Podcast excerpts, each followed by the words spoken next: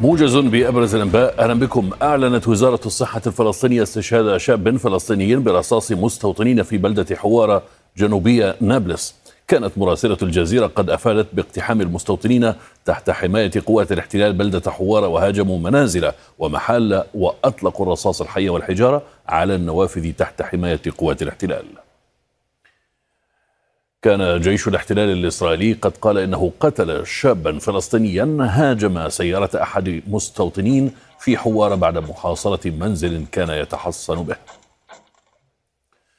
كما قتلت قوات الاحتلال شابين فلسطينيين جنوب طول كرم بالضفة الغربية فجر الخميس وقالت إنها رصدت الشابين خلال تنفيذهما هجوما مسلحا عند مستوطنة أفني حيفتس قرب طول كرم.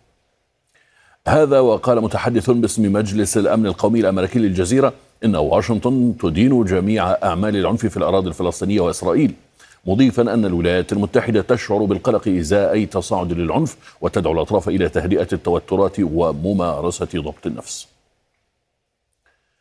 أفادت مديرية الصحة التابعة لحكومة النظام السوري في حمص أن 67 قتيلا و211 جريحا سقطوا في هجمات شنتها مسيرات على حفل تخرج ضباط في الكلية الحربية في مدينة حمص.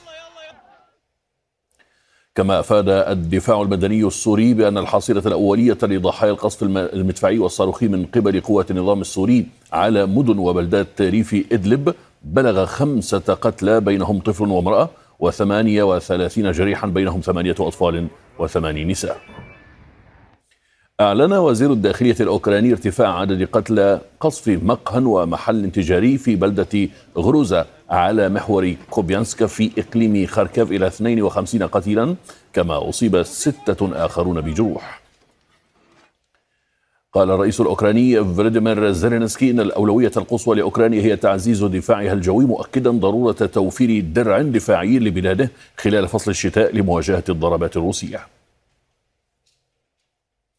أعرب مفوض السياسات الخارجية في الاتحاد الأوروبي جوزيف بوريل عن أمله في أن تتراجع الولايات المتحدة عن موقفها بشأن دعم أوكرانيا وأضاف أنه لا يمكن لأوروبا ملء الفراغ الذي سيحدث في حال عدم استمرار الدعم الأمريكي.